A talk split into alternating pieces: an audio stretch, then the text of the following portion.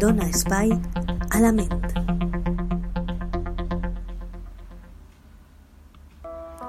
Hola a tots i totes, benvinguts una setmana més a Dona Espai a la Ment. Avui vull parlar-vos de l'altruisme. Segur que sabeu el que és i avui anem a parlar una miqueta d'ell i a fer una xicoteta reflexió. Bé, l'altruisme és un dels valors o motius més importants que regeixen la, la interacció social, és a dir, com, bo, com un dels valors que formen part a l'hora de com ens relacionem amb la resta de persones. Eh, sol estar o millor dit, sembla estar relacionat amb la solidaritat i ajudar a altres persones. De fet, quan som xiquets, la nostra supervivència està condicionada a l'altruisme dels nostres propis pares. No obstant això, i fora del que es creu des de la cultura popular, l'altruisme no està exempt totalment de raons o motius. No emana de la bondat més pura i absoluta de, de l'ésser humà, com es creu. Aquesta idea es basa en nombrosos estudis i investigacions psicològiques eh, l'objectiu de les quals era esclarir què és exactament l'altruisme, d'on emanen les conductes aparentment altruistes i desinteressades i en quines condicions sorgeixen. Altruisme, o més conegut com a conducta d'ajuda. En l'actualitat, els psicòlegs utilitzen dos termes diferenciats, l'altruisme i la conducta d'ajuda. Aquesta última expressió, és a dir, conducta d'ajuda, sorgeix arran d'un grup d'investigadors que vol centrar-se exclusivament en conductes que objectivament ajuden un tercer, és a dir, a altra persona. Són igual les raons per les quals eh, aquest tercer, tercera persona és ajudat. És a dir, que no sé si m'explica massa bé, són les raons per les quals ajudem a aquesta tercera persona. Molts actes eh, aparentment generosos i caritatius no són més que el resultat de conductes de pànic o eufòria. Aquestes emocions porten a l'individu a dur a terme una sèrie d'accions que estan poc relacionades amb el fet altruista, encara que un tercer es benefici. Per això, encara que qualsevol conducta altruista és una conducta d'ajuda, no totes les conductes d'ajuda són necessàriament altruistes. Empatia i altruisme.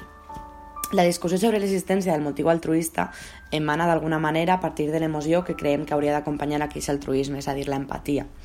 L'origen de l'altruisme eh, pot eh, rastrejar-se en l'emoció que el causa eh, aquesta emoció eh, va, es va concloure que podria denominar-se l'empatia. L'autor que, va, que li va donar l'origen a l'altruisme i la seva relació amb l'empatia va ser Martin Hoffman i aquest, aquest mateix autor defineix l'empatia com una resposta afectiva que és apropiada per a la situació d'una altra persona diferent a nosaltres. Aquesta resposta eh, afectiva posteriorment la podem traduir en conducta d'ajuda Eh, alguns autors, com Rapson, parlen del contacte emocional i de com aquest és el component fonamental dels processos empàtics i del fet altruista. El contacte eh, emocional, per exemple, té dos mecanismes bàsics. El primer són els reguladors en la interacció no verbal, és a dir, les nostres interaccions no, verbal, no verbals perdó, es caracteritzen per tendir a la sincronització i imitació inconscient de la veu, els moviments, les postures i les expressions dels nostres interlocutors.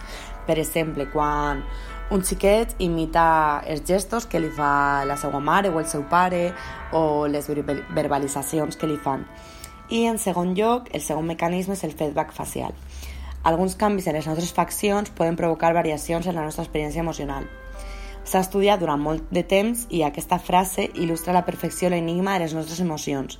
Plorem perquè estem tristos o estem tristos perquè plorem?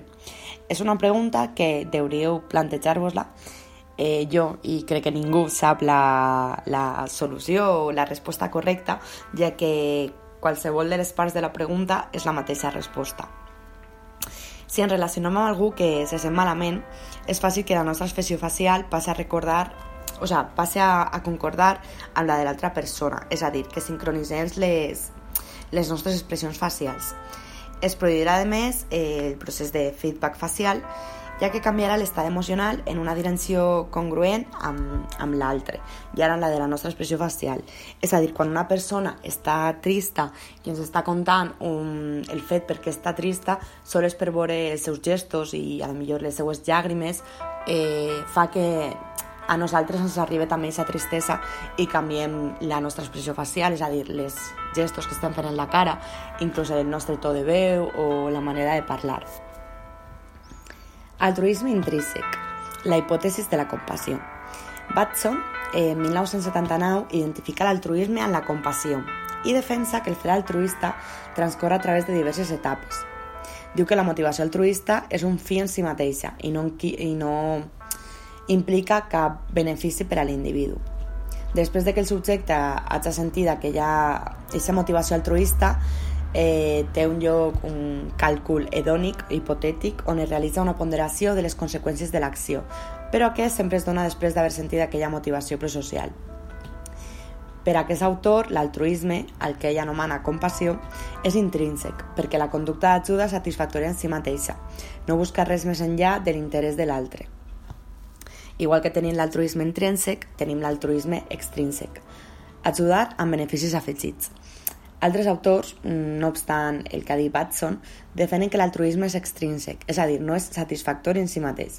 La satisfacció no ve exclusivament per haver ajudat una persona, però sí perquè comporta els beneficis afegits o evita els seus costos. Aquesta ponderació es realitza sense que calga sentir compassió per endavant. És a dir, ajudem altra persona pel simple fet de que ens sentim bé per, per fer-ho, no perquè busquem eh, resultats ni, ni sentiments positius.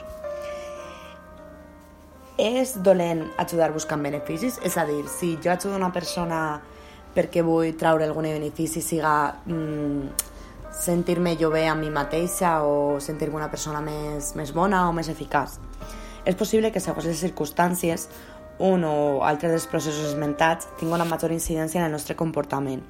Per això, la resposta a la pregunta de si l'altruisme existeix hauria de contestar-se amb matisos, és a dir, no, no seria una resposta que siga bona o, o roïn, sinó que hi hauria, hauria que justificar aquesta resposta.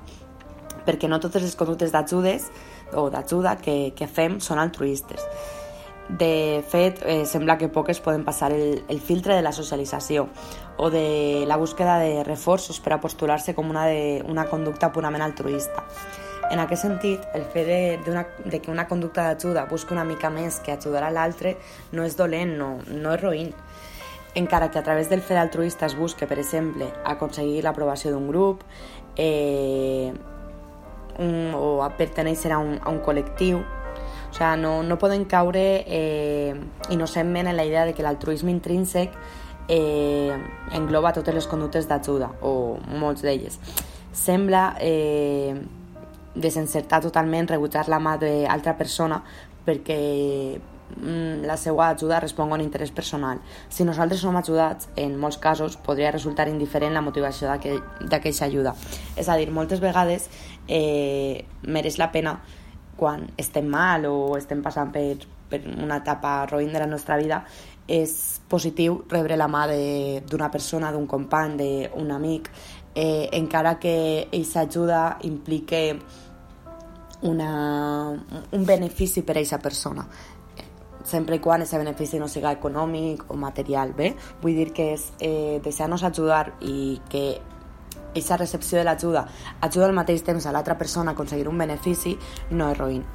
Espero que us hagi aclarit alguna coseta més sobre l'altruisme i que us hagi agradat este post. Gràcies.